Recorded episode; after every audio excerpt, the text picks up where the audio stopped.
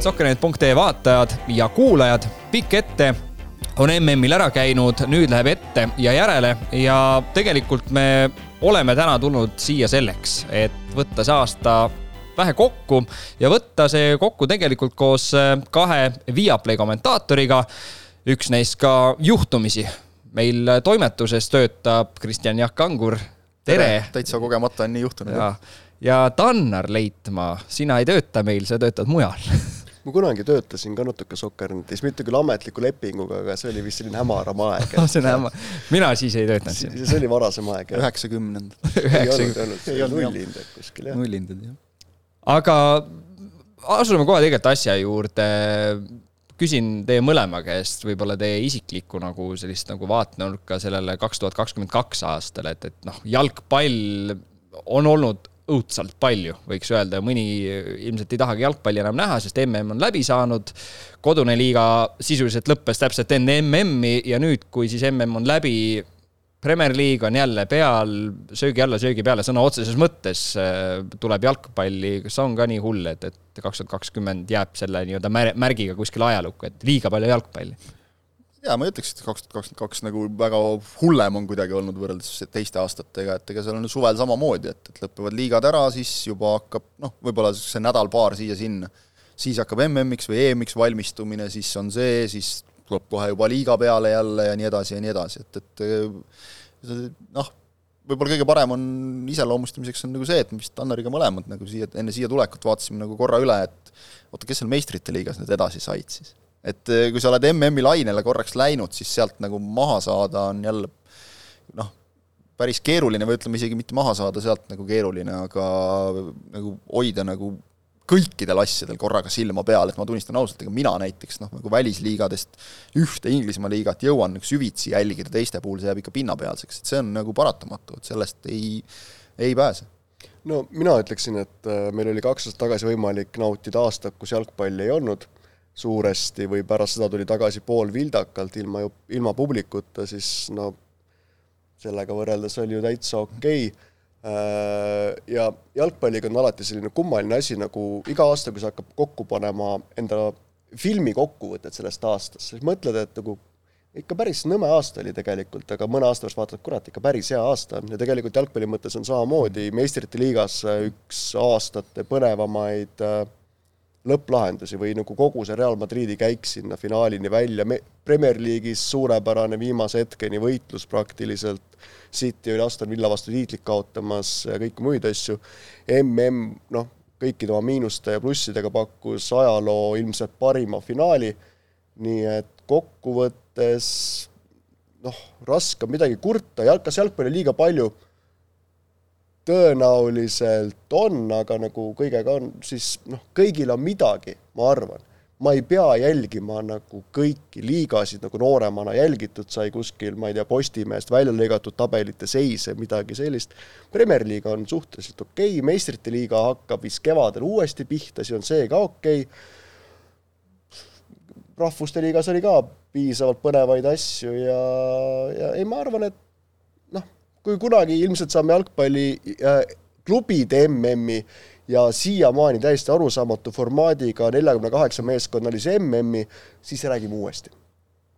väga hea. võib-olla ongi distantsi vaja vaata nagu natukene, et, et see kuidagi, ma olen nagu enda puhul avastanud, et mingid asjad, mis on varasematel aastatel juhtunud, on nagu noh, aeg nagu setitab välja selle, et, et siis mis jääb paremini meelde. sellest aastast selliseid hetki, nagu Tannar ütles, kindlasti nagu on, et et vahel on isegi see, et, et oota, mis üleeile juhtus, et, et see nagu ei, ei tule, aga, aga aeg, aeg nagu jah, sealt sõelub need paremad äh, palad niikuinii välja. Ja tõesti, et noh, mul tuleb ka meelde, kui me siin üritasime ka, mis liigad siin käima läksid, mingisugune kuskil Nabi-, Namiibias midagi mängiti vist umbes ja mingid sellised obskuursed asjad, et, et noh, kui nagu tuli sealt nagu vägisi uudiseid kiskuda, et, sellega võrreldes on päris okei okay aasta olnud, jah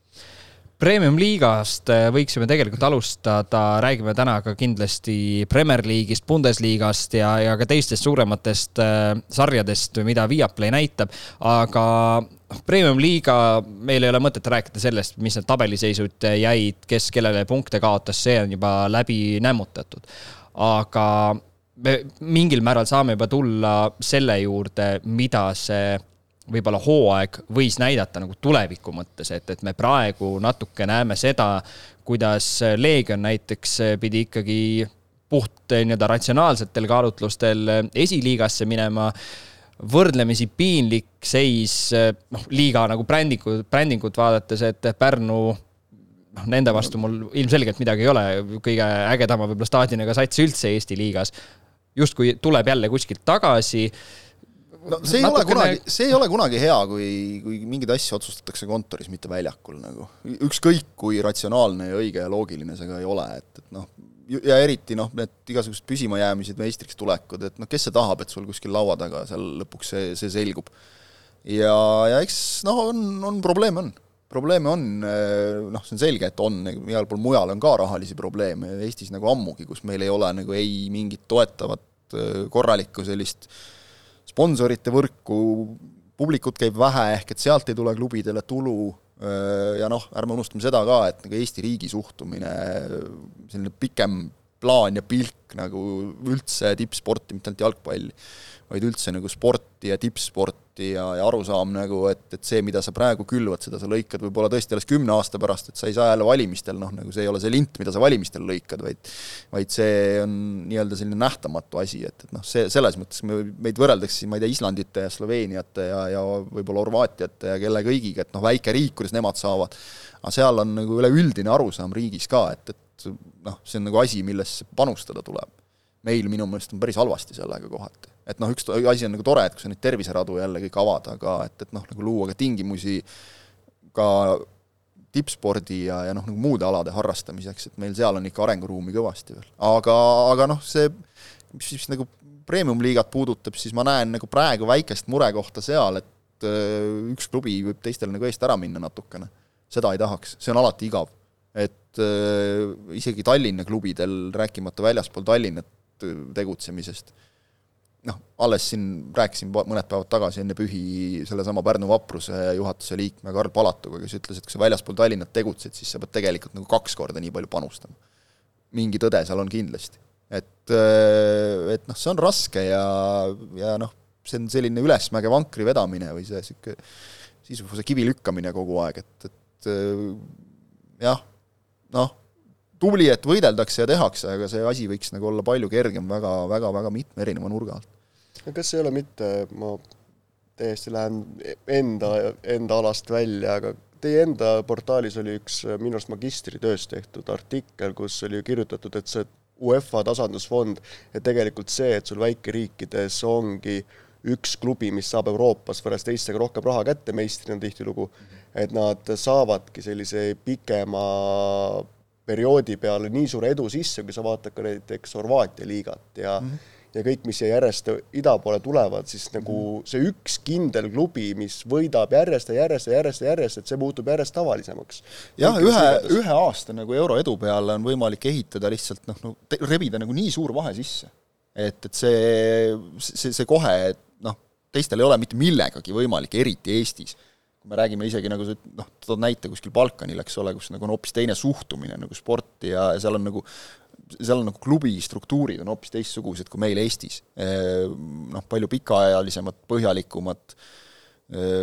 püsivamad lihtsalt, stabiilsemad. et, et meil seda siin kuidagi nagu püsti panna, noh, on väga raske, siis kui raha ka ei ole veel, eks ole. et jah, see on see, see on probleem ja noh, ma ütlen, et, et kas nagu kõike saab sellega nagu lappida ja, ja ravida, ma saan nagu aru jalgpalliliidu loogikatest, et, et mille, mille tõttu nagu seda tehakse, aga kõik need igasugused kompensatsioonimehhanismid, et noh, siis lõpuks ongi see, et, et siis sa nagu kompenseerid kõike. Et noh, kus seda piiri tõmmata, ega ma selles mõttes ei kadesta, et noh, kuskile tuleb see tõmmata lõpuks. Aga noh, mingil hetkel peavad need klubid hakkama nagu iseseisvalt niimoodi korralikult ka funktsioneerima ja, ja noh, nagu ise ka tulu tootma, et, et sellest ma nagu näen, et me oleme praegu väga kaugel ja ausalt öeldes ega ma ei tea ka, kuidas seda parandada kui teaks, müüks maha tõenäoliselt. no siis il, ilmselt saaks olla isegi vägevama tooli peal, kui, kui see diivan ja, siin ja, ja, ja, ja lahendada saaks isegi seda probleemi, et, et miks üleüldiselt raha miskipärast koondub nagu Tallinna ümber, et, et noh, selles mõttes ongi väga keeruline väikeklubidel või siis noh, Eesti mõttes ka suurklubidel, need, kes on kõrgliigas, on suurklubid hakkama saada just nimelt sellega, et, et kui nad ikkagi väljaspool Tallinnat, siis see tulubaas või see potentsiaalne nii-öelda noh, raha, mis käes on, on juba väga noh, selgelt nagu väiksem. kahaneb, veelgi nagu jah, eks ole. aga ei nojah, kui see, selle plaani välja mõtled, siis saaks ka sinna direktorite saatesse võib-olla no vaatame, üks direktor täna mainimist kindlasti väärib, Gerd Kams, aitäh mälukaardi eest, muidu see jutt Äh, oleks äh, tühjadele kõrvadele ja saaksite ainult meid näha, nii et äh, jah, Gerd Kams aitas meid sellega, et leidis meie mälu, mälukaardi üles. aga sina, Tannar, premium-liigat, noh, sa, sa jälgid nagu täiesti nagu kolmanda isikuna, võiks nii öelda, meie oleme selle sees igapäevaselt, kodune jalgpall, kui sa nüüd kõrvalt seda vaatadki, kas sa, kas sa näed, et asi läheb nagu paremuse poole või, või, või tegelikult noh, sinu kui tavalise jalgpallisõbra jaoks Tead, on nagu olen... paremuse märke ka või üldse ei ole? paremuse märke, mida ma noh, tõesti, ma olen nagu, ma ei jõuaks kõike jälgida ja kui ma käin noh, regulaarselt iganädalates tegema, tegemas kolm mängu Premier League'i äh, kommenteerimas, siis Premium-liigat ma lihtsalt füüsiliselt jõuaks vaadata, aga mida ma olen positiivsemalt märganud, on see, et äh, noh, võib-olla asi on minu sotsiaalmeedia feed'is, aga see, et seda Eesti Eesti jalgpalli sisu, näiteks Levadiast oli mingisugune doksaade mm, -hmm. siis need podcast'id, Ivan Špol teeb väga head tööd vist Maarjo Trompiga koos, on ju. Mhm. ehk siis sellist asja, mis nagu toob jalgpalli minusugusele tavalisele vaatele lähemale, ehk siis on paremini mõtestatud seda, et kuidas sotsiaalmeedia ja nagu noh, sellise uue põlvkonna meedia kaudu seda jalgpalli tuua vaataja, nii et tegu ei ole enam niimoodi, et noh, näitame ETV kahes suvalisel hetkel mingisugust jalgpalli, kus on äh, taustal kuulda, kuidas treener korjab urotpljät ja muid asju, vaid sa reaalselt tegeled sellega, et muuta see in-, inimestele arusaadavamaks, põnevamaks, et see töö töötab ma ei, noh, ma ei ole numbreid näinud, kas see reaalselt nagu noh, jõuab ka inimesteni, kas see toob inimesi staadionile, viib noori trenni, sest minu vaatenurgast ikkagi, kui ma käin ükskõik millises välismaa riigis, siis ma näen palju rohkem noori jalgpalli mängimas väljas nagu tänava peal või kuskil rannas või kus iganes kui Eestis, aga vähemalt see pool on näha, et seda tööd tehakse, seda tööd tehakse mõtestatumalt, küll väga paljude inimeste entusiasmi pealt, mis võib noh, entusiasm ei ole taastumatu energiaallikas, see mingi hetk väsivad inimesed ära, tuleb pere peale, kõik muud asjad. aga sellised väikesed sammud on näha, et seda jalgpalli muudetakse või osatakse muuta natukene äh, turustatavamaks ja turundatavamaks äh, sisuks. et seda ma täitsa näen, et aga see, mis sportlik pool liigast, ma täitsa ausalt ütlen, et ma nagu tõesti, ma ei tea suurt mitte midagi. et euro, euroedule või noh, nendele mängudele ma suviti elan kaasa, sest ilm on ilus, ikka satun ka mhm. staadionile, aga muus osas jah, positiivne on see, et tehakse seda tööd sotsiaalmeedias ja seda sisu tegelikult ja väga hästi, head sisu, noh, see on väga hea vaadata. Äh, siis äh, sellist, sellist nagu poolt nagu noh, see areneb, seda on hea näha. pagana kahju on see, et see, see nahkhiirthaigus, eks ole, tuli nagu, et et enne Covidit tegelikult nagu see, millesse panustati nagu kõvasti, see kogukonnajuhtide töö, see oli näha, et see tõi tõesti ka tulemust. Ja, ja siis kukkus jälle nagu kolakis publiku number põhja ja ütleme sealt just selle tõttu, mida sa mainisid, noh eriti olles nagu selle asja sees rohkem on seda näha, et tõesti inimeste energia, noh, nagu sa ütlesid, see ei ole taastuv, taastuv ressurss, et, et see noh, see, see asi põhineb suuresti sellel ja, ja noh, sellest on nagu kahju, et väärt inimesed rabavad kolm-neli aastat täiega ja siis on neil ka nagu jaks otsas ja leida järgmist, minu, minu meelest oleme praeguseks jõudnud selle seisuni, kus äh, kõik kogukonnajuhid, kas on lahkunud või lahkumas ametist, ma ei tea, kui noh, päris nagu avalik see nagu on, aga vähemalt nagu taustajutud nii räägivad, ehk et noh, see nagu näitab ära selle, et tegelikult mingi neli-viis aastat ja, ja siis on sul nagu jaks otsas. et, et see noh, jällegi üks tahk, millele tuleb nagu tähelepanu pöörata, ega sa Eestis nagu neid selliseid hulle liiga palju ei leia, kes on nõus panustama noh, ka oma vaba aega, sest need on nädalavahetused, õhtud, ehk just sellised perega olemise ajad ja nagu sa ütlesid, tuleb pere, tuleb noh, ikkagi muu, tahad muud elu ka elada ja, ja siis mingil hetkel lihtsalt on otsustamise koht, et et võib-olla natuke liiga palju on seda noh, seda õhinapõhist nagu asja, et, et tahaks nagu näha nende inimeste pärast, kes seda asja hingega veavad, et seal oleks nagu rohkem struktuuri taga, et, et nad ennast ka tõesti läbi ei põletaks väga kiiresti. kui me rääkisime rahast äh, ja jalgpalliliigast, siis üks liiga, kus raha on, on suhteliselt sarnase nimega liiga ja see on Premier League Teie olete ilmselt kõige õigemad inimesed üldse Eestis, või vähemalt kaks inimest, kellest, kelle, kellega võiks antud teemal rääkida. hooaeg selles mõttes ei ole läbi, läbi saanud, et seal ikkagi nüüd hooaeg, hooaeg käib. Minu nagu põhiline nagu mõte, mis siia aasta lõppu tuli, oli, oli see, et, et Ronaldo on läinud ja nüüd saame keskenduda jalgpallile et kas kas, kas see, kas see oli ka natukene nagu ära, ära üldse muretse selles suhtes, et Äh, meil läheb siin esimesel jaanuaril üleminekuaken lahti ja hakkab pihta jälle. leitakse juba järgmine, järgmine teema, mida kedrata ja Ronaldo, see on selline nagu ta Eestis sulanud lumi juba. mina nagu see... ka mõtlen, et kas kas viga on minus, aga minu jaoks Ronaldo saaga enam ei mänginud äh, erilist rolli, sest Nõus. kui ta väljakul oli, ta ei, tema panus ja mõju ei olnud enam nii suur, no okei okay, mm, -hmm kui selline triangel oleks lahti läinud näiteks keset hooaega Mo Salaga või Kevin mm -hmm. De mhm. Bruyne'ga, kes reaalselt, kellel on veel väljakul selline no no ta otsustab mängida. no ta on see, noh, ta on Joel Lindpere põhimõtteliselt mm -hmm. nende meeskondade jaoks, on ju.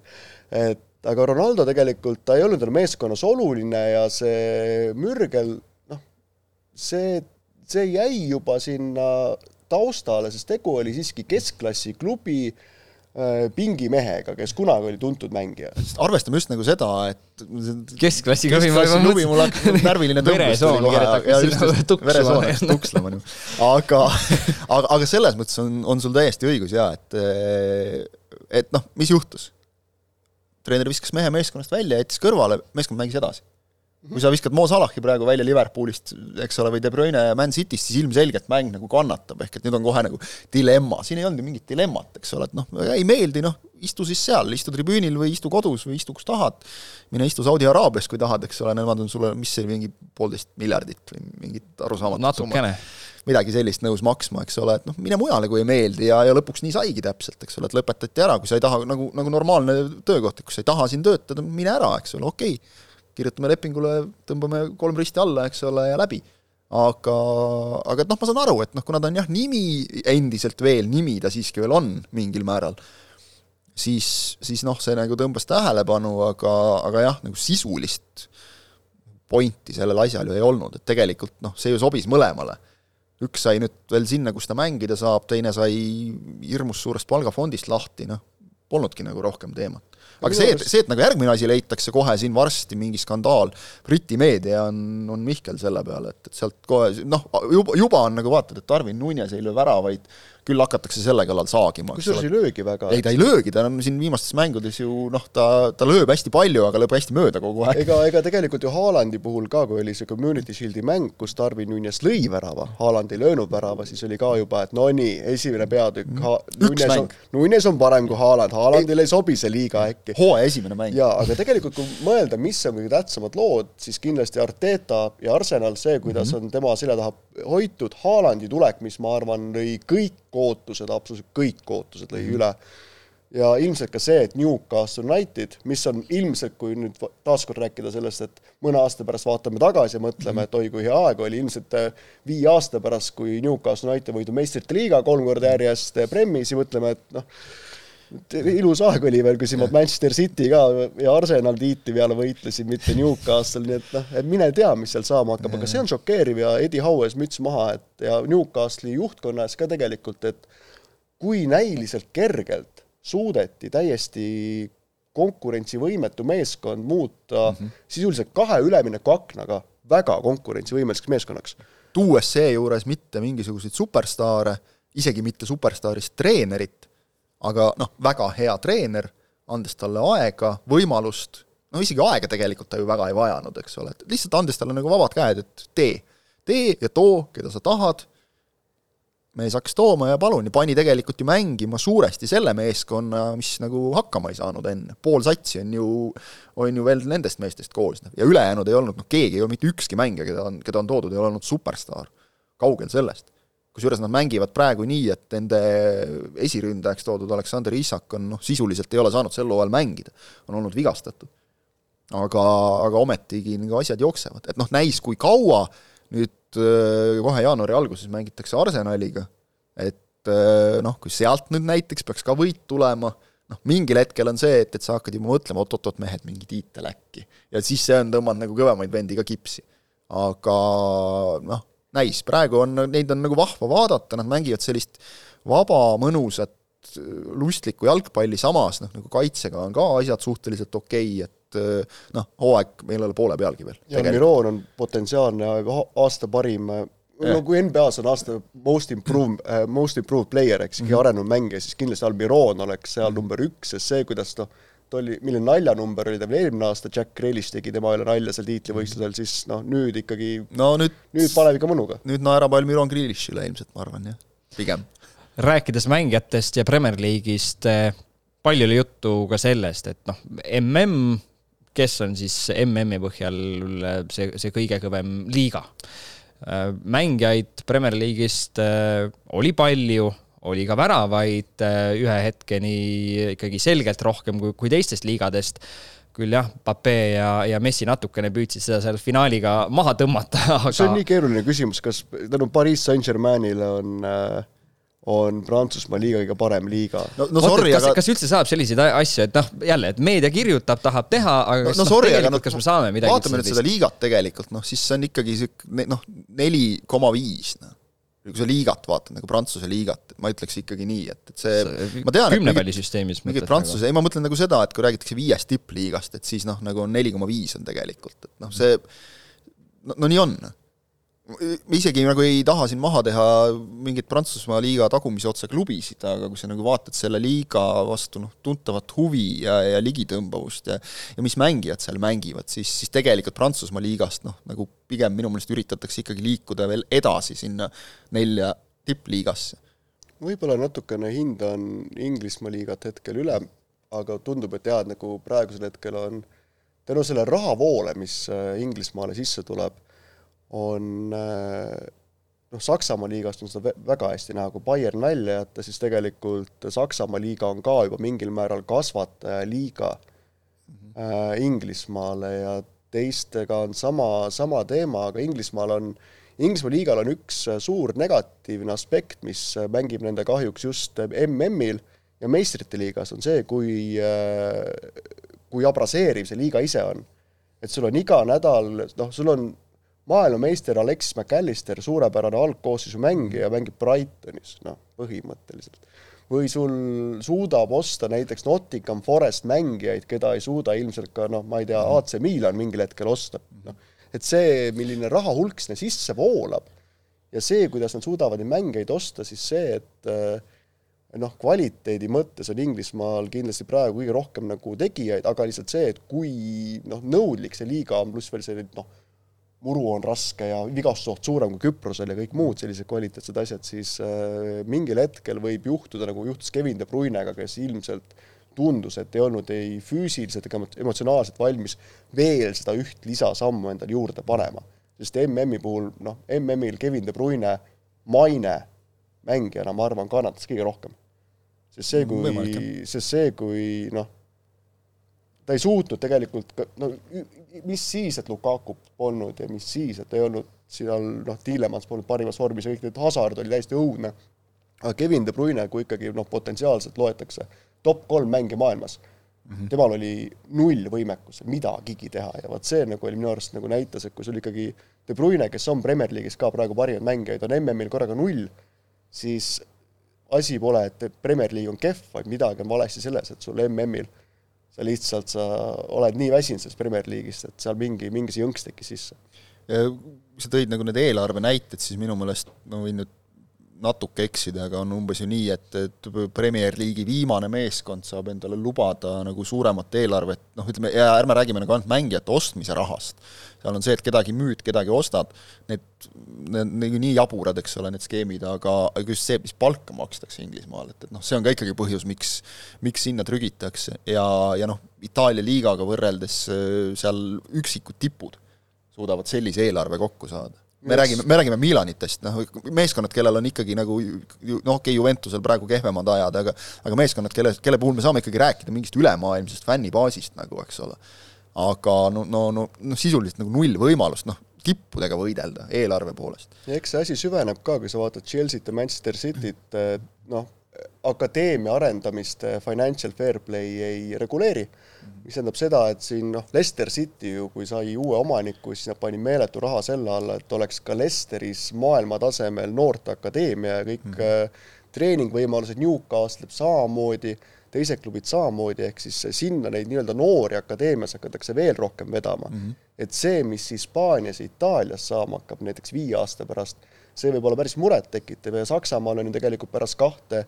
täiesti ebaõnnestunud MM-i sama teema lahti, et mis me, mis me noortega toimub. et kuidas on võimalik, et äh, Saksamaal pärast Manuel Neuerit pole ju tekkinud ühtegi maailma tipptasemel äh, väravahti.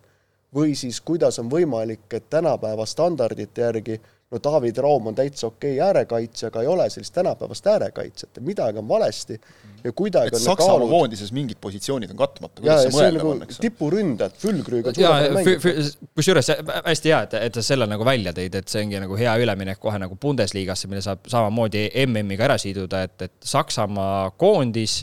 tipuründaja, kes nii-öelda tekitas elevust minus kui näiteks Saksamaa koondise toetajas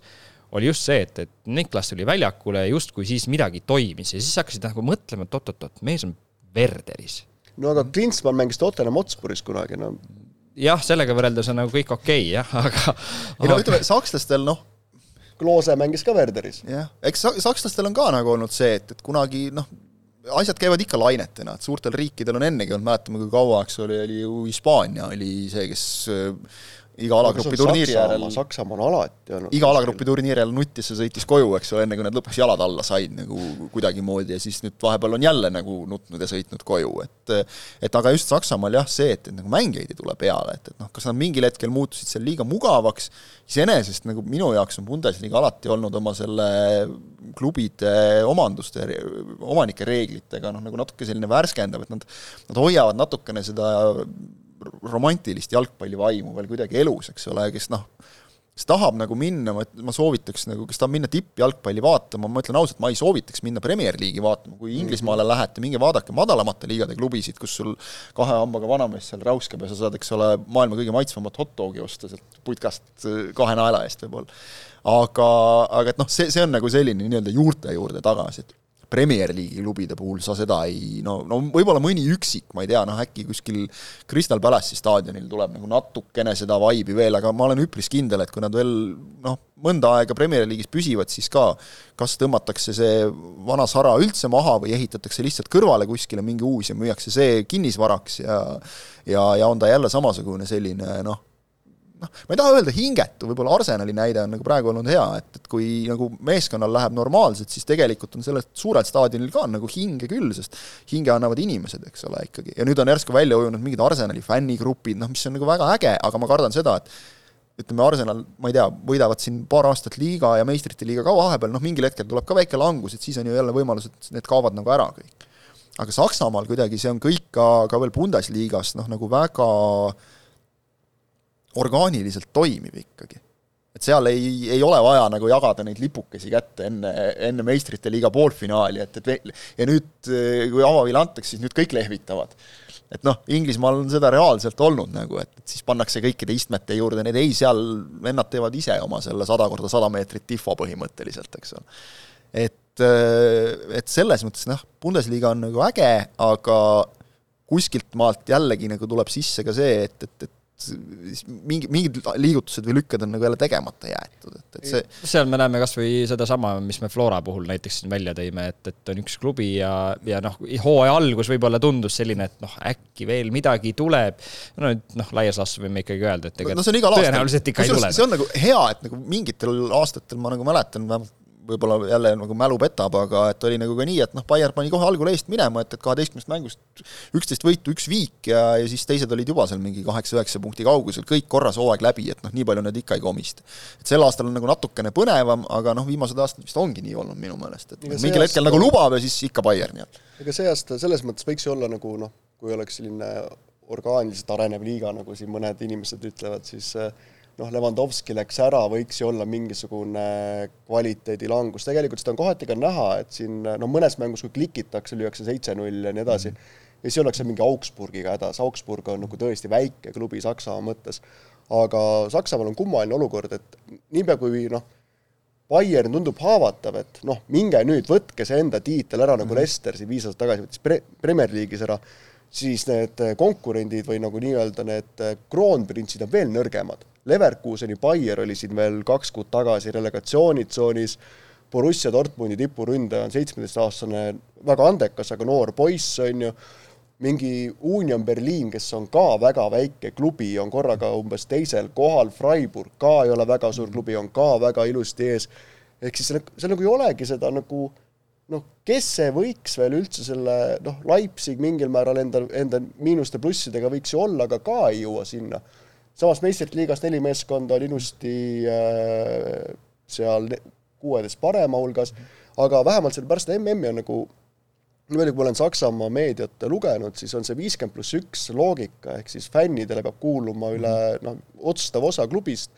et sellest on hakatud arutama, et kas see, kas me suudame seda säilitada mm. -hmm. sest fakt on see, kui vaadata, millist raha tuuakse sisse siin Araabia maadest Inglismaale, siis äh, Prantsusmaal ja nii edasi, siis mingil hetkel lihtsalt see rahaline võimekus Bayern suudab küll seda teha, aga kui vaatad teisi klubisid, siis ega sul Leverkuseni Bayer ei laamenda enam sul kuskil üleminekuturul väga. et võeti Kallu Matson-Odoi laenuks, noh mm -hmm., kasvatame Chelsea mängijaid või tuuakse kaheksateistaastane Äh, noor mingi Adam Hložek toodi Praha Spartas, kellest loodetakse noh, uut Tšehhimaa andek-, kõige andekat mängijat, aga ilmselt tema parim aeg ei, ei möödu kindlasti Leverkuseni Bayeris, vaid pigem kui saab jalad alla, hakkab mängima, siis on ees kas Bayern või siis Inglismaale kuhugi, et selles mõttes see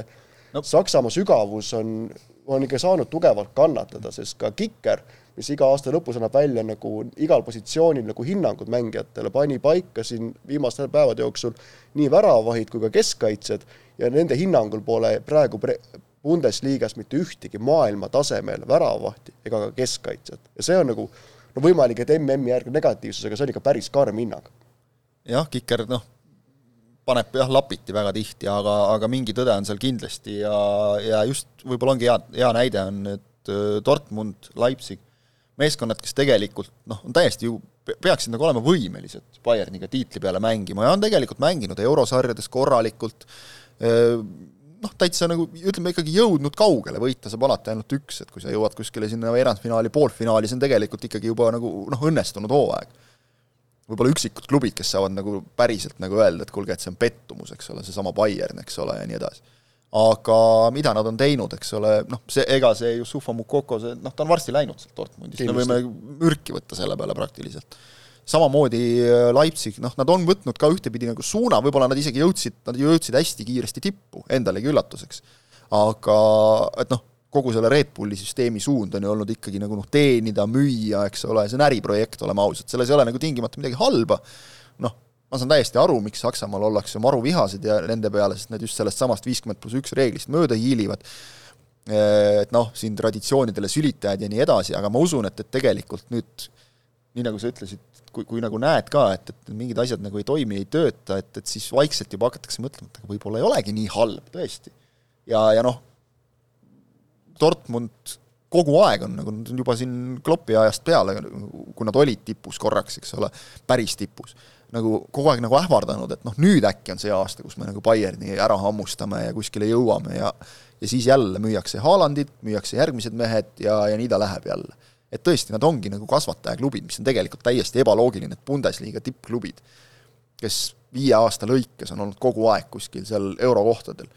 on äh, tegelikult need, kes toodavad mingitele teistele liigadele, noh ikkagi peamiselt liigutakse sealt Inglismaale, sest et kuidagi mängustiilid klapivad võib-olla kõige paremini. Bayernisse minnakse. no Bayernisse, vot see on ka üks veel minnakse Bayernisse, aga vot seal ongi aga, nagu aga siin on üks huvitav asi, on see, et, et kui, kui nagu Saksamaad vaatad, siis noh, Inglismaal ei ole minu meelest kunagi olnud niimoodi, et, et noh, tahetakse kuskilt keskmikust äh, tippklubisse, vahet ei ole millisesse ükskõik kuhu minnakse, räägitakse ikka seda, et lapsest peale olen selle klubi särgiga maganud, mul oli pidžaama, mul oli plakat, mul olid kõik asjad, eks ole, kaks aastat hiljem vahetab klubi, mul olid lapsest peale need käsi südamel. Saksamaal on nagu ikka väga selgelt on see, et, et noh, üks suur eesmärk on tahaks Bayernisse, et siis sa oled nagu kuskile jõudnud. Noh, eriti Saksa mängijatel, väga pikalt oli, noh, ma ei tea, ei ole nende hingeeluga nii kursis, võib-olla see on nüüd viimasel ajal muutunud natukene, võib-olla ongi see, et, et nüüd, nüüd tahaks noh, tahaks kuskile võib-olla Bayernisse ja siis sealt edasi juba, aga mingil hetkel nagu Bayern oli nende jaoks see tipp, kuhu jõuda. et noh, sellest tuligi see, mille eest Bayern on saanud pikki päid ja jalgu, et noh, ega nad siis koti sisse ühtegi mängijat ei pannud ja minema ei tassinud. ei olnud seal alati asi selles ka, et kõige rohkem maksti, vaid noh, mängija ise tahtis. hullu pööra tahtis, noh ja siis oligi, ükskõik kust Dortmundist, Werderist, kust iganes, eks ole, Leverkusenist, noh siis sa lased tal minna, võtad mingi raha ja noh, mis sa teed mängijaga, kes ei taha su klubis olla. et, et noh, see, see on olnud üks, minu meelest üks põhjuseid, mitte nüüd see, et, et Bayern nagu kõik kulud üle maksaks. ega see on ju jalgpallituru nagu tavaline toimimisloogika, et, et noh, ega need Dortmundid ja, ja, ja Leverkusen, ega nemad ostsid mujalt altpoolt jälle ju aga, aga et jah, Saksamaal praegu mulle tundub, on natukene selline noh, nagu eneseleidmise mingi aeg, et, et kas nagu hakata nende inglastega kaasa jooksma või noh, inglastega on vale öelda, sest nagu sa ütlesid, seal tulebki just kõik see naftaraha, eks ole, see tuleb ja, ja tuleb veel ja noh, mingil hetkel ma arvan, et, et õnnestub ikkagi mingitel Hiina omanikel ka nagu klubit nagu tippu aidata, et, et see, see, see raha on nagu kõik veel noh, ütleme, see, see on nagu olnud natuke selline peenraha, et, et neil on nagu olnud seni ikkagi rahakotid, kus tuli nagu pluss ja miinus tasakaalus ka hoida, mitte see, et sulle ämbriga tuuakse iga päev uksest sisse, et noh, kulutage, et me ei jõua peale tassida nagu. jah, lõppude lõpuks seal tekibki võib-olla ka see küsimus, et äh, kus see nii-öelda Saksa jalgpallifänni see eetilisuse või sihuke kanna-, kannatuse piir on, et, et kust, kust maalt võib seda nagu noh, nende jaoks mittemeeldivat raha hakata sisse tooma selle jaoks, et meie nii-öelda jalgpall oleks konkurentsivõimeline. tänapäeva maailmas üldse, mitte ärme räägime spordist, jalgpallist, vaid noh, tegelikult ju mingi eetika piir jookseb sealt, kust jookseb edu piir väga tihti kuule, ma ikka usun Saksamaa fännidesse veel, ma arvan, et ei, nii ma... lihtsalt, päris Newcastle'it nagu ikkagi Saksamaal ma kardan, et ei tehta, et selles mõttes veel on..., veel mitte niipea, aga ütleme, et kui nagu juba mõtlema hakatud, et noh, kas, mis, see, see on juba nagu samm edasi. see on väike samm edasi, aga ma ikkagi arvan, et no, mingi, mingi piir on veel Saksamaal ees. ei, ma ka loodan tegelikult väga, et, et noh, las jääda siis veel üks selline puhas liiga ka ikkagi, mida, mille siis Bayern võidab igal aastal ikka no vähemalt, vähemalt jääb puhtaks liigume siit edasi meistrite liiga juurde, siin sai nipet-näpet mainitud, kui palju seal sakslasi on, kui palju on ka teisi. hooaja alguses väga mitmed inimesed, osad ka siinsamas stuudios on öelnud, et Manchester City on number üks favoriit ja selles ei ole mitte mingisugust küsimust. meil on alagrupid mängitud me näeme seda, et Manchester City sai ka endale suhteliselt mõistliku loosi, võrreldes näiteks nagu nad alati saavad, nagu nad alati saavad ju tegelikult, et eh, kuidas hindate, kas City ikka veel favoriit number üks väga ja, selgelt nagu või no. on ikkagi nagu ma ütlesin, et lootus on see, et Inglise enda liiga on noh, kui Arsenal püsib nii pikalt ees kui nad praegu on püsinud, siis see paneb ju koduliigas pingeid Manchester City'le peale ja seesama Inglise suur konkurents mingil hetkel tuleb jälle, Peep Guardiola mõtleb, et paneme hoopis Edersoni ette rünnakule äkki, hea idee, on ju. Haaland väravasse. Haaland väravasse, no mis seal ikka nagu noh, üllatame vastast. üllatame vastast niimoodi, et enda meeskond on ka üllatunud, noh, nali naljaks, aga eks seda on juhtunud tegelikult City puhul tihti, et nad lihtsalt nagu no no see teravik neil kaob ära mingil hetkel seal. Seda on juhtunud, kusjuures seda on juhtunud ju tegelikult täitsa üllataval kombel sel hooajal juba koduliigas ka paar korda. mis on nagu natuke ootamatu, et mingid mängud, kus küsimus ei ole selles, et noh, keegi lööb sul neljakümne pealt ristnurka ja, ja võidetakse kuidagi, aga kus City'ga mänguliselt on olnud natuke kuidagi nagu ebalev. no Brentfordi mäng näiteks enne MM-i oli noh, Brentfordile koduväljakul kaotada, see on ikkagi no ei ole päris, see mängult see oli, oligi niimoodi, et ei pidanud isegi minu noh, ma kommenteerisin seda mängu ja ma ei mäleta, et David Raia oleks pidanud seal midagi imetööd tegema väravas, vaid siit oligi kehv. eks sul piisab ühest sellisest ebaõnnestumisest ja sul on juba nagu hooaeg läbi. aga kas ta on suurim favoriit? ilmselt on. Äh, kas äh, noh, kindlasti sponsorite jaoks oleks veel toredam, kui Messi võidaks ka nüüd meistrite liiga ära. Kataris oleksid kõik rõõmsad, paneks talle jälle mingi hõlsti kuradi selga ja annaks karika kätte, on ju. Ma loodan, et seda ei juhtu, aga no mine tea, äkki juhtub, äkki on BSG ja Manchester City finaalis, terve Araabia maailm on äh, rõõmus tagajalgadel ja meile räägitakse, et läänemaailmas ongi nagu äh, probleemid sees ja kõik on halvasti, on ju. et äh, see oleks vist, ma arvan, kõige hullem variant, mis tõenäoliselt, kui, kui need me meeskonnad oleksid finaalis ja, ja, ja noh, BSG võidaks, noh siis, siis me vist tõesti peaksime rääkima sellest, et lääne ühiskonna pärast on mure. Seda kindlasti. et see, selles mõttes, et seda juttu see... tuleb kogu aeg rääkida, aga sest noh, see ju kohe nagu nullib ära kõik muu. aga jah, ei noh, ma ütleks nagu nii, et jah, City on soosik number üks, et kas see nagu reaalselt ka midagi maksab, noh mitte eriti. kas Real Madrid oli eelmisel hooajal tegelikult äh oli praktiliselt igas paaris järjest, ma, ma küll tunnistan, et nagu mm -hmm. siin on jälle see, vaata see äh, algav dementsus, et ma mäletan küll aasta kaks tuhat, kuidas äh, Real Madrid meistriks tuli, aga nüüd seda kevadet ma enam niimoodi ei mäleta, aga minu mälu järgi Real Madrid oli ikkagi päris pidevalt, oli outsider, nad tulid ja tulid ja tulid ja see ongi karika jalgpalli üks suuri plusse. sa, sa ei pea olema parim võistkond sa ei pea olema kõige sügavam võistkond, aga sa pead olema valmis, et sellel ühel hetkel, sellel ühes mängus, just selle võistkonna vastu sa võidad teda. see ei ole liiga, kus sa pead lihtsalt saama rohkem punkte kui teise, vaid sa pead võitma konkreetselt selle ühe vastase, sa pead olema piisavalt nagu äh, noh, mobiilne või suuteline muutma enda taktikat vastavalt sellele, kes see meeskond on ja seda Real Madrid suutis, nad suutsid lihtsalt muuta kogu aeg enda lähenemist ja võidelda hambad ristis lõpuni välja. ja see tegi nad võitjaks, ei ole niimoodi, et noh, nagu tihtilugu siin no ma ei teagi, Pariis Saint-Germain Prantsusmaal kolmekümne kaheksas mängus ma pakun, et umbes noh, kümnes peavad nad pingutama reaalselt, noh. ja see ongi nende puhul suurim probleem, kuidas sa lähed umbes, mängib mingi Angeri, Angeri vastu, kus Mbappe lööb poolnaljaga neli väravat ja siis tulevad sulle vastu korraga mingisugused Liverpooli mehed, kes on mm. ise samasugused tähed, et noh, kuidas sa viid selle järgmise käigu sisse, mitte niimoodi, et noh, panen esimese käigu ja siis panen teise käigu ja siis pead esimesest viiendale panema korraga, et see, see, need hetked tekivadki, kus tihti need superklubid ei lenda väga kõrgelt. ja, ja mõtleme näiteks selle peale, kui palju siin viimastel aastatel on Bayern olnud äh, suur soosik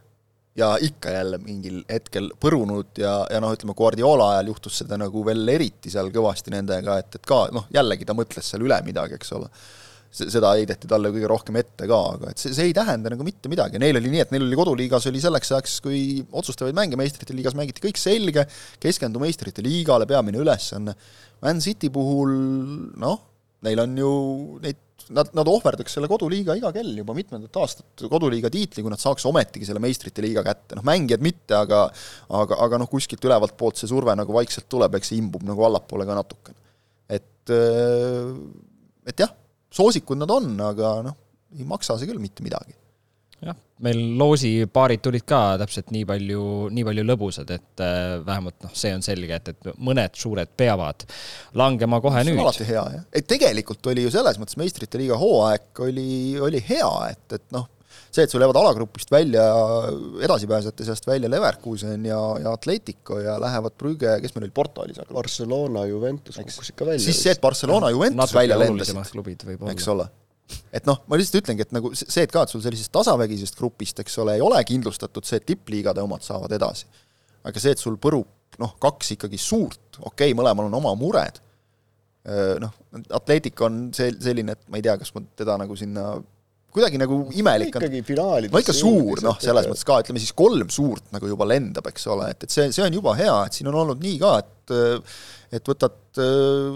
alagruppide loosimise järel selle nimekirja ette, vaatad okei okay,, et need kaks tulid ülemisest pot-, ülemistest pottidest ja siis võtad sellesama nimekirja alagrupi turniiri lõpu järel ette, vaat no näe,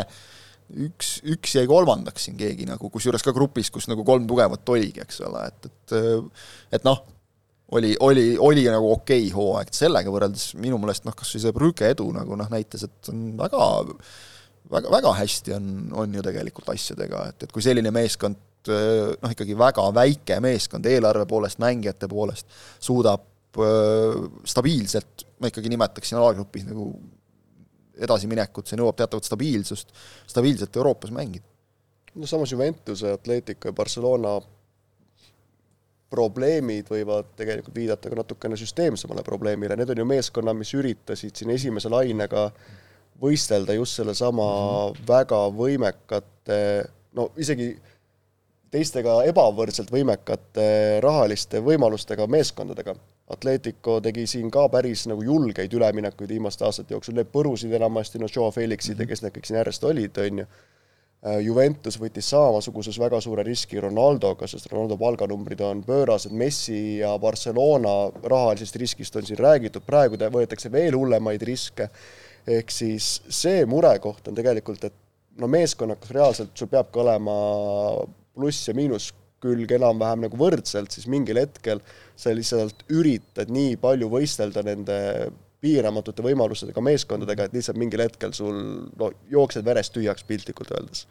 Seal ei olegi jah palju vaja, Barcelona näide on nagu hea näide, et eh, noh, tegelikult neil, ma saan aru, et praegu mingid rahavood on ju jälle täiesti taastunud, eks ole, kõik on noh, nagu justkui okei. Okay,, aga see, et, et elati noh, ilmselt elati ikkagi keskmise eestlase kombel palgapäevast palgapäevani nagu, eks ole, et, et kõrvale väga midagi ei pandud, nüüd on hakatud tegema seda klassikat, et kiirlaenu ka, jah? jah, põhimõtteliselt kiirlaenu ka, eks ole, et, et et, et tuleviku arvelt, et noh, küll tuleb, küll tuleb. me oleme ju Barcelona, eks, me ei saa ju põruda. et, et see, see on nagu viinud ennegi igasuguseid suuri ettevõtmisi hukatusse, et, et noh, näis mingi aja nad ju püsivad kindlasti tipus veel. et, et küll sealt nagu tuleb noh, mängijaid peale ja, ja neil ka ikkagi akadeemiast noh, noori on tulnud, aga aga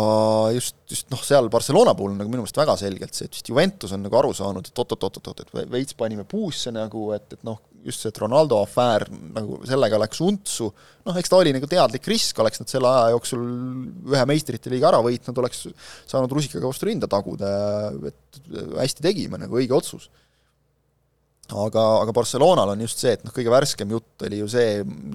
sellel nagu päris veel ametlikku kinnitust ei ole, aga aga ikkagi, kui Hispaania jalgpallist äh, Guillem Balague kirjutab, siis, siis ta üldiselt nagu jama ei kirjuta. et äh, palju on juttu sellest olnud, et no nüüd saaks ikka nagu Messi ka tagasi tuua, et nüüd juba raha on ja kõik ja, ja Balague ütles täiesti nagu noh, selles mõttes nagu halastamatu tõde, et Pariis Saint-Germain on pidanud Messi ja, ja, ja tema nagu rahaasjade eest vastutava isaga neli kuud läbirääkimisi juba uue, uue lepingu osas detailid paika kõik ja noh, ilmselt see on nagu purgis nii-öelda, muidugi MM-i ajal võeti vähe rahulikumalt, aga et, et noh, nüüd saab veel allkirjad ära anda ja tehtud. sest ärme unustame seda, et, et Messi leping lõpeb, ehk et tegelikult kui nagu teda mitte siduda endaga, siis saaks esimesest jaanuarist alates teised klubid rääkima hakata temaga. ja Palage ütles ka otse, et, et noh, et Barcelona, kelle president käib küll nagu rääkimas, et oo, küll siin veel Messi tuleb võib-olla tagasi ja siis on kõik elu jälle ilus, et tegelikult nad ei ole selle aja jooksul isegi ühendust võtnud Messi Leeriga. ehk et lihtsalt noh, maakeeli öeldes kõvatamine käib nagu, et eks see on ka mõistlik kõvatamine, sellepärast sa mingil no, hetkel pead edasi minema, et noh. ei muidugi. Manchester aga... United tõi ka ühe vana, vana legendi tagasi, vaata no, mis juhtus. kas oli mõtet, eks ole, ei olnud, tuleb välja. et, et ega, ega noh, need sellised jah, legendide tagasitoomised väga harva on nagu see, kui, kui nende asjadega nagu hästi läheb. meil siin Eestis on ka nagu see, et oh, see mees kaks aastat tagasi lõi hästi palju väravaid, toome ta uuesti. minu meelest on noh, Zakaria Beglašvili võib-olla on nagu see, kes käis ära, tuli tagasi, aga aga ülejäänud on noh, fail inud ikkagi ju suuresti, et, et see üheksakümmend prossa, need lähevad puu taha, need, need diilid. et, et mingi asi töötas, et proovime nüüd uuesti, nüüd töötab kindlasti uuesti ja samas võid sa teha nagu pigem sellise tõmbe nagu De Bruyne'ga, eks ole, et, et, et ta võib-olla enamik nagu arvas ka, et noh, see okei okay,, see vend ei saa Premier League'is hakkama, liiga väike, läheb pinge all näost liiga punaseks, ei saa, ei, ei tule tal välja midagi, eks ole, ja, ja Man City võttis noh, teatava riski ikkagi, tõi ta uuesti ja palun. Mo Salah oli samamoodi ju. jah, just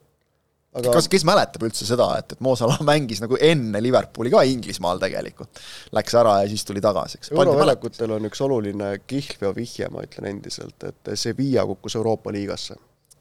et ja. Äh, kui Sevilla mängib Euroopa liigas, siis seal isegi siis seal Manchester teistel... United, Barcelona võivad omavahel mängida seda kaheksateikfinaali või mis iganes finaal see on, vahet ei ole. et minge vaadake, et mis need kohvid seal ja, on Sevilla, ja, ja, ja võib-olla nagu, ei pea kõike maha müüma nagu Barcelona. see on ebareaalne, kuidas see meeskond suudab nagu ükskõik millise peatreeneriga mängida Euroopa liigat kusjuures see on hea näide jah, et vahet ei ole, mis peatreeneriga, mis noh, mängijad ju vahetuvad, eks ole, aga ometigi on kuidagi seal klubis sees see mingisugune teadmine, et me oleme seda enne teinud. Euroopa liiga on meie karikas. jah, see on meie karikas, tulge võtke, kui tahate. No see on meie oma mängivad, samamoodi tegelikult on Real mänginud äh, meistrite liigat.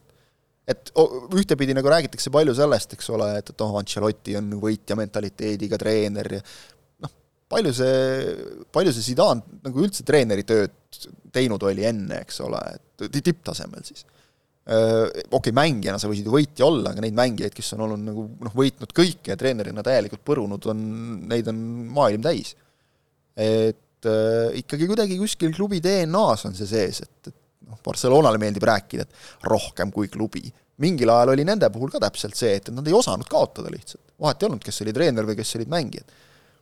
aga kui sa selle nagu ühel hetkel nagu näpu vahelt ära lased, siis on juba raske meeskond, kes äh, oskas kaotada, oskas ka mõnikord võita, oli eelmisel aastal või nüüd äh, lõppeval aastal üsna huvitavas seisus, see oli Eesti koondis, kes pidi hakkama võitma. enne muidugi kukuti no, Küprose vastu võid... väga kõrgelt. jah, enne, enne oleks ka võinud võita. kõige lihtsam võib-olla, millega koondise juures alustada, ongi see, et, et kas me nüüd noh, aasta lõpus saame nagu öelda, et noh pigem oli okei okay hooaeg koondise mõttes või, või tegelikult juba see, et me sinna mudaliigasse langesime, see nagu noh, ikkagi laias laastus lööb selle platsi puhtaks, ei ole mõtet rääkida sellest, et me nüüd võitlesime ja oleme C-liigas, vaid ikkagi murekoht oli pigem see, et, et me sinna D-liigasse üldse langesime no minu arust murekoht on see, et kui me D-liigasse langesime ja C-liigasse tõusime, siis vaadake seda koosseisu. et nagu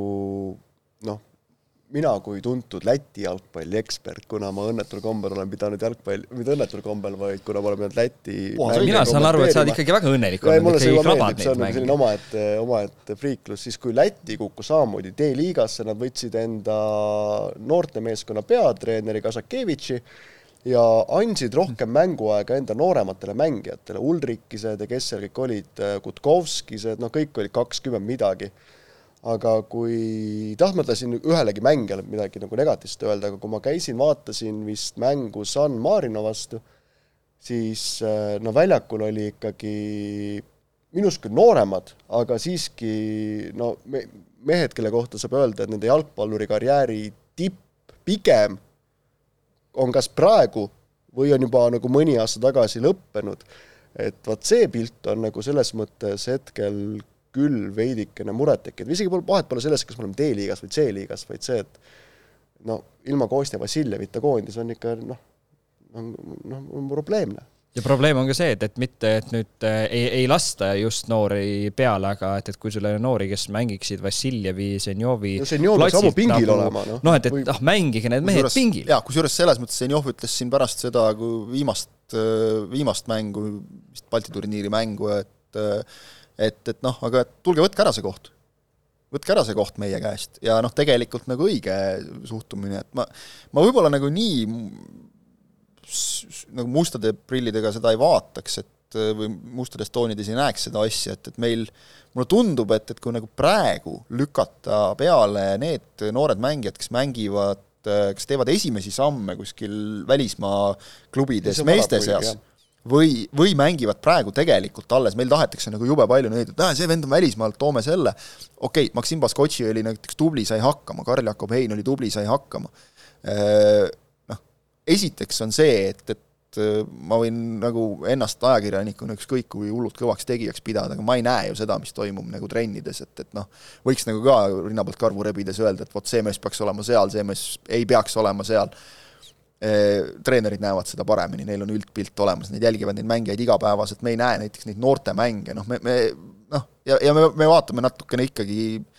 ka selliste sinimustvalgete prillidega, et näe, Eesti poiss jube hästi paneb, eks ole, et, et noh, seal on vähe objektiivsem pilk, et ma nagu usaldaks. ja no selles mõttes nagu Eesti koondise treenerid olid ka praegu päris sel aastal päris nagu keerulises seisus, et ühelt poolt olen täiesti nagu nõus sellega, et jah, laske nagu noortel proovida, et noh, mis meil nagu enam kaotada on. minu, minu punkt oli, minu point oli mitte see, et laske noortel proovida, see nagu tihtilugu ei töötagi, sest varemgi on olnud see, et nagu nõutakse meeletult kuskil sotsiaalmeedias mm., et laske see tüüp peale, siis tuuakse noor mees peale, no ilmselgelt pole veel valmis selle jaoks, siis tambitakse kohe maatasa, ärge kunagi seda, ärge kunagi enam tooge seda, no Pareikoga umbes ja kellega neid juhtumid olid. pigem lihtsalt nagu see on nagu see ongi nagu paratamatus kuidagi, et meil lihtsalt ongi mingi õudne auk on sisse tekkinud. auk on sees ja mulle, mulle nagu tundub, et võetagi, löödagi Zenjovi ja Ojamaad, kes on suurepärase karjääri teinud, aga noh, ma ei tea täpselt, vanad nad on juba praegu, kolmkümmend kolm, kolmkümmend neli midagi sellist, aga nagu peaks olema ründe, ründemängijatena nagu noh,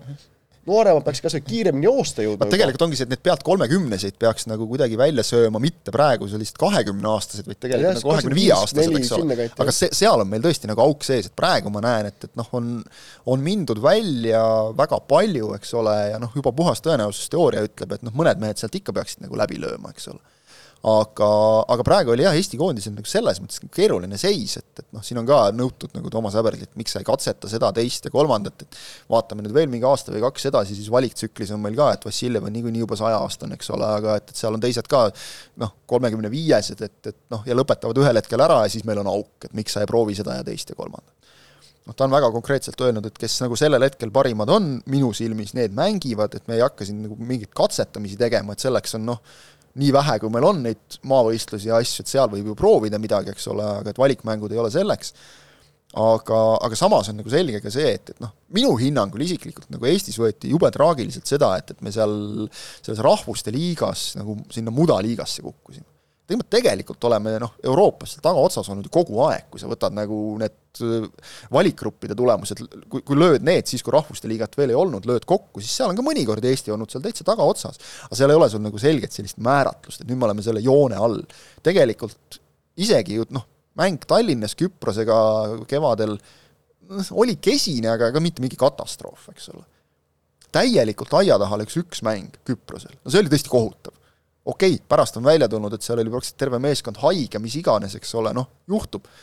aga, aga see oli kole. nüüd muidugi noh, jah, võib ju arutada, et kui palju on vaja kiita, kui sa siin San Marinat ja, ja Maltat nagu klohmid, no mis klohmid, klohmisime me neid võib-olla võõrsil neli-null ja seal tuli ka esimesed pool tundi küüsi närida, eks ole, San Marino vastu.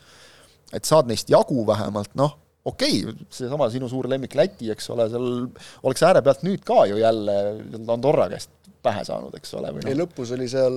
läks napilt. seal mäng sai õigel ajal otsa, et, et oleks seal võib-olla veel viis minutit mängitud, siis nad oleks lennanud ka sealt, kes neil oli seal äh,? Andorra. Andorra ja kes see Moldova oli? Moldova, just, jah, täpselt. ja, ja ühesõnaga noh, ka sellised satsid, kes nagu on võimelised viis minutit mängima väga ilusat jalkat, okei okay,, Andorrat kõrvale, et need mängivad ainult koledat kogu aeg, aga Moldova näiteks ka nüüd viis minti ilusat ja siis viisteist minutit hästi koledat, nagu täiesti nagu esimest korda mehed oleks väljakul koos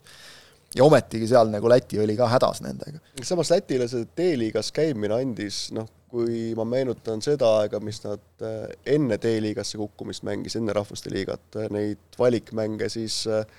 no Läti mängude kommenteerimine oli ikkagi õudne, sest reaalselt seal ei toimunud midagi. seal, seal ei ole isegi publikut. et see fännide, see oli nii, fännide kooslus ja kõik oli nii nagu noh, nii juhuslik ja nii suvaline aga siis, kui nad D-liigas hakkasid natukenegi saama positiivset elamust, see on nagu iga, igas töövaldkonnas, et kui sa saad mingisugustki positiivset elamust, siis eneseusk kasvab, sa naudid rohkem ja publikul oli ka näha, et viimased need Rahvuste Liiga mängud, seal oli juba näha, et mingisugused hullud olid ikka juba läinud sinna huntide organisatsiooni püsti ja hakanud nagu fännama ja see nagu äh, see nagu melu on natukene kaasa tulnud, et see, sellist eneseusku annab see D-liiga tihtilugu nendele nii kogu aeg, iga kord peksa saavatele klubid, riikidele, vabandust, juurde. et sul reaalselt, sa lähed mängima mängu, kus sul on ka mingi võimalus.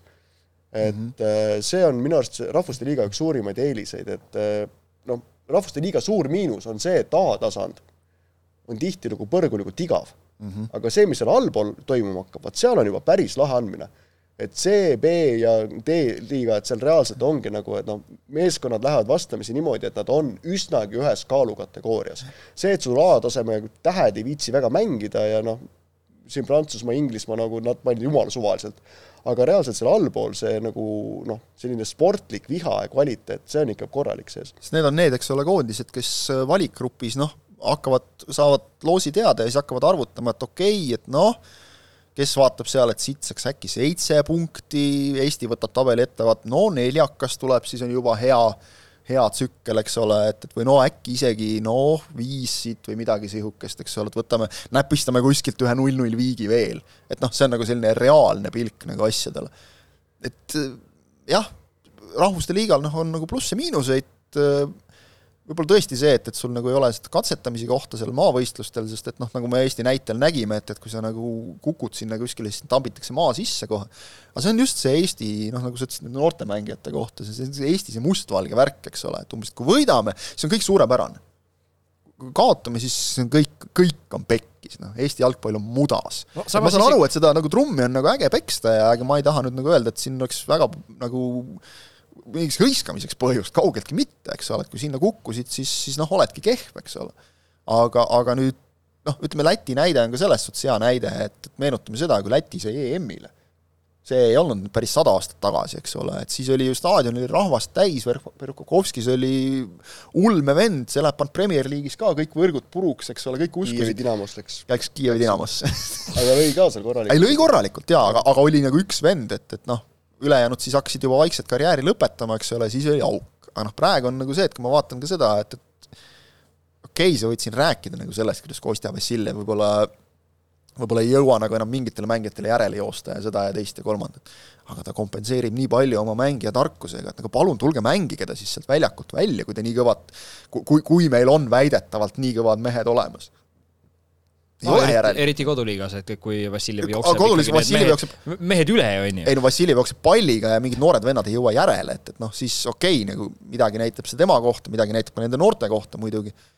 aga, aga noh, kogu see Eesti jalgpalli arendamise teema on nagu natukene see ka, et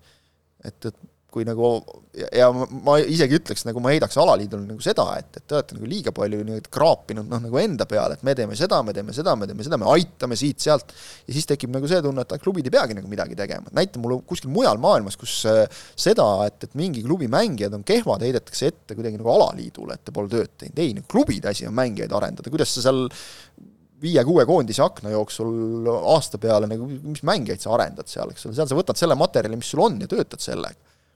Et noh, arenema peab ennekõike mängija ise ja siis nagu peab, peab klubi aitama teda kuskil. nagu meil siin mingid klubid, eks ole, aitavad oma mängijaid kuhugi välismaale, teised hoiavad neid kinni, ära jumala eest mine,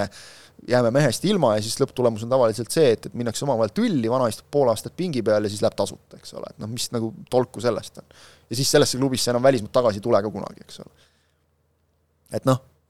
ega see on nagu hea targutada siin punase diivani peal jalg üle põlve istudes, eks ole, et, et tehke nii, tehke naa, tehke kolmandat moodi. aga et noh, ma ütleks nagu ma loodan ka, et Eesti koondis sai nüüd täpselt selle, mida sa ütlesid, et selle võitmise kogemuse ja selle tunde nagu kätte, et see, see võis vajalik olla, sest meil oli väga pikalt oli see, kus nagu noh, kogu aeg võtsid välja muudkui. ka Gruusiatelt ja Armeeniatelt juba, eks ole mm. -hmm ja no nüüd äh, jalgpallifännide äh, nii-öelda suureks, suureks rõõmuks ikkagi natuke mehi sinna Portugali võetakse rohkem kaasa, kui kui võib-olla siin noh, oodati või loodeti, et, et muidugi kõik arvasid, et äh, siitsamast jalgpallitänavalt läheb ainult üks klubi sinna, aga Ja, ja. tegelikult äh, ikkagi asjad natuke ainult pooled on on sealt klubist. Aga ma pooled. küsiks nagu ka, et, miks ei ole mujalt võtta? miks ei ole mujalt võtta, et miks tassitakse Eestisse mingeid X-järgu välismaalasi, kes, kes tegelikult siin nagu hakkama ei saa, paljud neist, muidugi on nagu jackpot'e ka, aga aga noh, ongi see küsimus, et, et kui sa paned nagu mingisuguse venna alla ja siis me jõuame jälle ringiga tagasi nagu selleni, et hea on kritiseerida, aga see, mis sa ütlesid, et Euroopas on vaja edu saavutada. no samas, kui sa Raha. vaatad konverentsiliigat sel aastal RFS ja ja Vilniuse Žalgiris mm, -hmm. siis äh, mõni lätlane ja mõni leedukas sai peale isegi. ja mina tegin Vilniuse Žalgirise mänge, mänge, kus oli vist üks keskkaitse, üks väravavaht olid äh, leedulased, ülejäänud vennad olid äh, üle laia maailma kokku korjatud, noh, RFS-il oli vist ka, et väravavaht oli lätlane ja seal oli siin paar väljakumängijat veel, üks, kes mängis nagu kogu aeg, üks kaitsjatest vist ja keegi, kes sai nagu vahelduva eduga peale. see oli vist Dubra. Dubra vist oli jah, just, mälu ei võta, vot näed, Läti jalgpalliekspert teab. Läti jalgpalliekspert. kusjuures Aga- jah, lätlased isegi ju on, on öelnud seda, et, et just see, et, et Flora konverentsiliigasse on, on ühe korra nii-öelda alagruppi jõudnud ainult oma mängijatega, et nemad pigem vaatavad seda suu ammuli, et on nagu noh, et see on äge, aga, aga, aga nende jaoks on jälle see, et noh, et miks RFS või, või keegi teine seda ei tee, sest noh, lihtsalt Aga nemad vaata- on valinud teine, teise tee. seal on nagu see konks, et kui sa jõuad välja sinna alagruppi välismaalastega, siis on kõik fine mm. -hmm. jumala eest, eks ole, aga, aga kui sa tood nagu mehi, kes ei suuda nagu siin Eesti liigaski ei vea välja korralikult ja, ja põruvad täielikult siis, kui nendeks euromängudeks läheb, või kui siis nagu pinge on nii suur peal, et nüüd nendes kahes mängus me peame õnnestuma, noh, me nägime, mida see pinge Levadiaga tegi, eks ole, sel aastal. ja, ja, ja noh, sellest august võib-olla ronitakse veel tükk aega välja et siis tekibki nagu see küsimus, kas on mõtet maksta mingisugusele välismaa vennale viis või kuus tuhat eurot, eks ole, siin noh, isegi neli tuhat, versus kui sa saaksid võib-olla kolm-neli Eesti mängijat nagu noort poissi selle ajaga üles kasvatada, kes võib-olla siis nagu mitu aastat sulle nagu tulu toovad. sest selge on see, et, et kui sa nagu alagrupis kuskile jõuad nende mängijatega, nende välismängijatega, no suht suur tõenäosus on, et nad tahetakse sult ära osta. ja müüd ka, sest sul on vaja kuidagi saada noh, nagu oma arveraamatud jälle tasakaalu et see on, see, see on nüüd see Eesti, Eesti klubide see väga keeruline olukord nagu, et, et mängitakse selle euro koha peal esiteks, sest see toob juba raha ainuüksi, kui sa sinna jõuad, ja siis see, et, et sa pead seal Euroopas hakkama saama, tuuakse mängijaid ja kui ei saa, siis on nagu see, et oota, mis me nüüd teeme nende vendadega ei no see, kui Läti, Lätis osatakse väidetavalt pooleteist miljoni eest äh, Balkanilt mänge, siis see näitab, et seal, sealsed skeemid on äh, midagi sellist, millest meie täpselt aru ei saa, siin ma teen sulud, kirjutan naera punkt ja Just. jätan selle nüüd täpsustamata. las see jääda. ei noh, kohalikud ütlevad jälle selle kohta, et aga nii lihtsalt käib. just, aga kusjuures, kui sa vaatad nagu kuidas need, kuidas nagu oli Žalgiris või RFS-i puhul nagu tribüünide täituvusega väga hästi noh, Fiorentina mäng ja. mängiti väga, väga, okei okay atmosfäär. väga okei okay oli nagu ja see oli juba mäng, kus vist, eks ole, ei olnud nagu väga midagi mängus enam neil, et, et ikkagi külm ja kole ja kõik sihuke, eks ole, et, et saab nagu rahvast oli rohkem kui, okay. kui siin, kui Flora mängis. jah, et, et vot Flora puhul oli nagu see, et okei okay,, nad ei saanud endale alagruppi seal ka niisugust noh, glamuurset vastast nagu, eks no, ole. kui palju RFS-il seda glamuuri just no, oli. seda ka jah, Fiorentina ei ole niisugune uhuu, jess, näeb ära, ükskord elus näeb ära nagu, aga salli saab. jah, et, et noh, jälle, jälle ikkagi jõuame ringiga sinna, et raske on see jalgpalliklubi vedamiselu, vahet ei ole, kas Pärnu Vaprus või Manchester City või, või Flora või RFS või mis iganes, et kogu aeg, kogu aeg pead nagu, isegi siin Juventused ja Barcelonad nagu niimoodi panevad noatera peal. ja mis siis nagu teistest rääkida veel, eks ole mitte, et mitte seda jalgpallijuttu siin niimoodi negatiivses toonis või, või kurvas toonis, et tegelikult jalgpall ongi raske, mis, mida ta kindlasti ka on. et me nii ära ei lõpetaks, siis äh, on teil endal äh, üks selline selle aasta jalgpallielamus või, või mingisugune sündmus, mis, mis on jäänud väga selgelt äh, teile nii-öelda meelde ja, ja mille te kindlasti noh, saate öelda, et ja kümne aasta pärast ma tean, ma arvan, et, ma arvan, meil on ikka lihtne see valik öelda, Brent Lepistu ja Anett Kontaveit on ikka veel koos, et selles mõttes see on ikka respekt, Brent ikka näen kohe, mis ajalehes sa oma igapäevatööd teed. selles mõttes, et nagu noh, kui rääkida Eesti jalgpallist äh, tavalise inimesega, siis see on põhiline teema ja ma olen nagu ääretult pettunud, et me jõudsime selle teemani alles nüüd. See võiks olla aasta tegu Eesti jalgpalli, ütleme nagu suurim sportlik võit, eks. jaa, et see on nagu reaalselt lõpuks ometi on, äh, on meil tõeline selline noh, kunagi oli Ragnar Klavan ja Lenno Kuurma, aga see vist oli väga see oli väga lühikest aga, aega, jah. aga see on reaalselt meil on oma nagu power couple on Eestis olemas. just, just. ja seejuures mõlemad nagu väga toredad inimesed. see on ka, et, et see on nagu, võib pöialt hoida neile küll. jah, võtavad sporti tõsiselt ja, ja on selles mõttes noh, brändi puhul on ka, et, et aus inimene ja, ja, ja. selles mõttes to, to, toredalt otsekohene ja, ja selline. et jah, siin küll noh, ma, ma tean, et ta ise vahel on ajakirjanduse peale veidike nagu pahane ka, aga noh, see käib nagu ka asja juurde, et see on, ja, nagu mulle meeldib nagu, kui see öeldakse nagu ausalt välja. et, et ja, ja kui mees tuleb nagu pärast mängu ja ütleb intervjuus nagu ausalt ja otse, et, et noh, vahel oli kohtunik, oli sitt ja vahel olime ise. et see on ju nagu käib asja juurde, et, et see jah, selles, selles mõttes ei ole meil nagu viriseda midagi tundub, et äh, sellise jutuga me selle aasta kokku tõmbame. kõiki igasuguseid toredaid liigasid näete Viaplayst, nii nagu te ka aru siit äh, laua pealt saate. et Viaplay, äh, nii nagu Barcelona müüs omal staadioni maha, siis meie kõigest müüsime maha laua. nii et sellepärast ka seda Viaplay juttu ja Viaplay mehed siin ka meil kohapeal olid pikk ette ise järele, uuel aastal ka kindlasti jätkab, missuguses kuues, seda veel täpselt öelda ei oska, aga kindel saab olema see, et näete meid edaspidi ka nii helis kui ka pildis. mina ütlen siit teile aitäh, et vaatasite, selline oli aasta kaks tuhat kakskümmend kaks ja vaatame, mis siis juba uus aasta meile toob. aitäh ja tšau!